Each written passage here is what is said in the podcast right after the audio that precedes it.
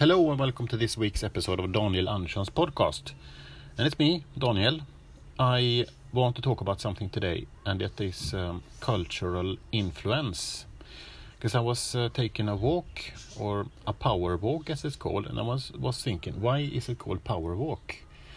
And I was thinking, and I was doing some research, uh, looking at the internet, and uh, comes from America. And then I started thinking, there are so many things that comes from America, because I also had uh, my shoes, um, also American brand. Uh, I will not mention what brand it is here, but famous American brand. And I had jeans. Jeans is also an American item. And then I started to think of all the things that are uh, from America. And um, it's not, uh, we don't think so much about this, but America, how America has been or and is influential also today. And I had, yeah, I was I was googling then. Uh, in Google, by the way, what a fantastic tool! I mean, all information there for free. Uh, I yeah, it's for free. I mean, the, it, it's the best um, of all the of all the um, what do you call it? When you search, you can choose different. Google must be the best one. I it's so simple. Uh, if you go into the other ones there, Alta Vista and all that, it's so many different uh, things. But Google is very easy. So uh, Google then, what was that Google? Uh, cultural influence America or something, and they, you know, cultural influence, and they said one big good thing to look at is food. Food is a great example, and that is right. I mean yeah, obviously you think about hamburger. That is very, very like American food, and you can you can buy a hamburger wherever you are in the world. And then also hot dog. Um, pizza is from Italy from the beginning, but different one that they have in um, in US. The you can buy it in the you know cardboard cardboard box and all that. And I think it's interesting, and I and I think that um, you should uh, you, you can take a, just take any item. Gardening. Uh, yeah. gardening maybe is difficult but I think you can find things from America there as well. Or you take yeah medicine. Yeah all these different vitamins you take. Many of them I think from America. For example vitamin C I mean the drinks they're hundred uh, th three times more vitamin C than an orange. You see sometimes. I think I'm not surprised if that also come from America. Now I don't know here. I am just guessing. but I think uh, I was just a thing that uh, uh, caught my mind. Thank you for that segment. Now it's going to be another thing uh, after this.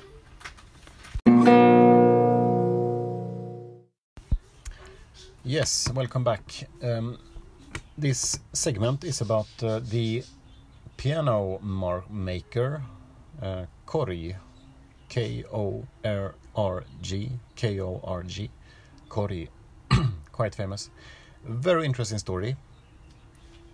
Charles Korg, born in in uh, Germany in 1941 uh, in Dresden Dresden. He, yeah, immigrated to uh, the U.S. with his uh, family um, to work. His father was an engineer in uh, ship business, so they moved to East Coast there in in um, Massachusetts, Boston or something like that. Massachusetts, I think it was. And yeah, started to work there. And uh, as you did at that time, you also wanted to, needed to go in your father's footsteps, but not Charles Korg. Now he was a little bit made of other material, so to speak. He wanted to go his road, so he started to do all sorts of things. He started to sell, yeah, it was uh, books, and he started to sell old magazines, and you know, everything. Started to sell anything. Then he found uh, old storage about of, of pianos. They were a little bit the cheaper model of pianos, not these expensive ones that only the rich could buy. Cheap pianos that are used in different schools, but well, they were a little bit broken and they put it in storage. So he said, "I'm gonna repair these." Uh, and he found a guy who could uh, repair piano, and he said, "No fancy things here, just make it work." And then he um, wrote his name Kori on it, and then he started to sell. And to the people who cannot, I mean, who cannot, who wanted to buy piano but couldn't spend so much money, he had this piano, and it was not the best sound, but you could play on it.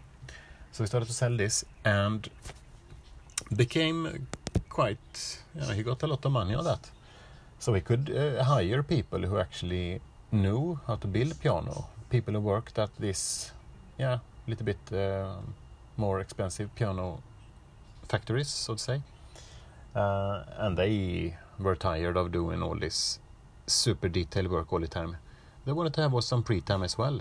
So they went to work with Kori and they could play around a little bit and come in a little bit late on Monday and leave when they wanted and, and so on.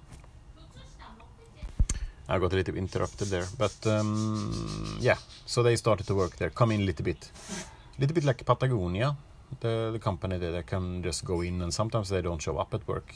Where is uh, Janet? I, she's surfing, they say, and everybody's fine with that because you do that in Patagonia. Same as Kori. So Kori actually inspired Patagonia to have this kind of yeah, you work when you want, but, uh, but just do the job. But when not interested. So that's why um, they surfed, but in, at Kori, uh, they did other things. Learned other instruments, for example. Everybody loved the instrument at Kori. That was uh, the most important for everyone. Yeah, so that's the story about Kori. And today we have Kori selling all over the world and uh, it's a lesson we can also can learn.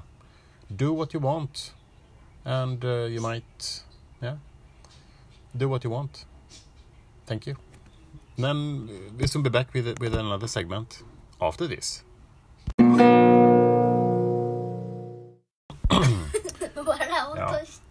Welcome back to this segment, segment three, and I'm here with my daughter Lily, who is, um, yeah, I'm gonna tell her a little bit, or tell us a little bit how school how is school, Lily? Uh, we repeated before, and she told me a very interesting story about her teacher um, in English. Uh, he he's called. I didn't understand what she said first. Turned out his name is um, Abigail, and um, that's a woman, a female name, I thought, but his name is Abigail, and it's not. I did some checking a little bit. Doesn't matter, of course, but just to I didn't know that, and can be also for. I mean, traditionally, none. If you're just speaking, doesn't matter what name you have, of course, but uh, like many other names, Kim. what else do we have? Um, yeah, yeah, but those. And then anyway, he Abigail then. He's from Wales but then been traveling around and been uh, living on uh, the work as English teacher and it's so convenient when you're born in a country where you speak the language. I mean, where you're born in an English speaking country and then you can go around. You just have to learn some methodologic method methods on how to teach. I mean, you cannot put anyone just because speak English and teach. You need some sort of structure. Um, but then you go around, take that structure, and then you go around for the world and and uh, teach us. And I think that's good, uh, interesting life you can live. Or walk around, or, or you know, around there, um, travel around, and teach English, something that you know from the beginning. You just have the same structure, just apply. And I, I guess they start with this then. Where is the pen? And the kids say it's on the table.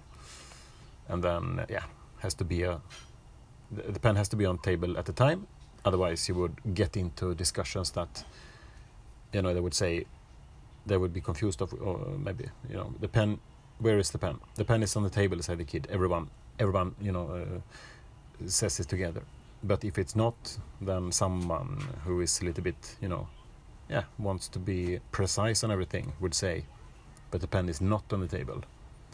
And then he the teacher say maybe yeah, but you have to imagine now. And then imagine that's a new word, and I go in and have to explain.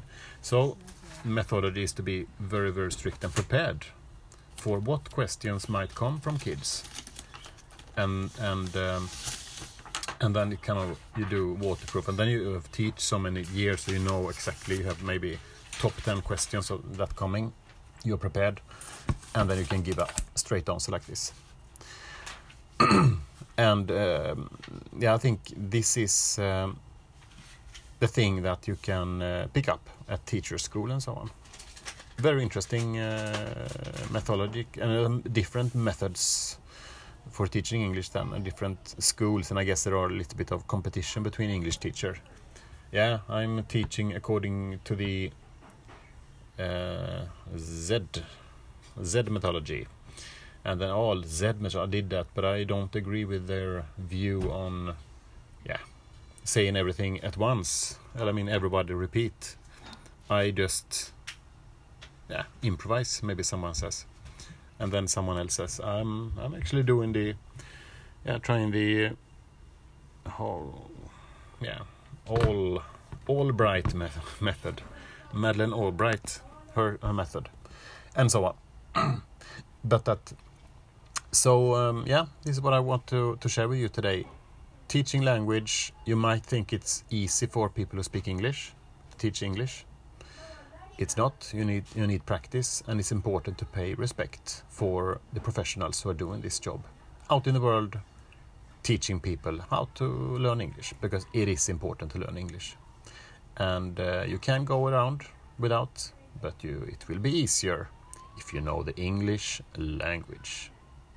Thank you so much for this week. Next week is going to be very exciting topic.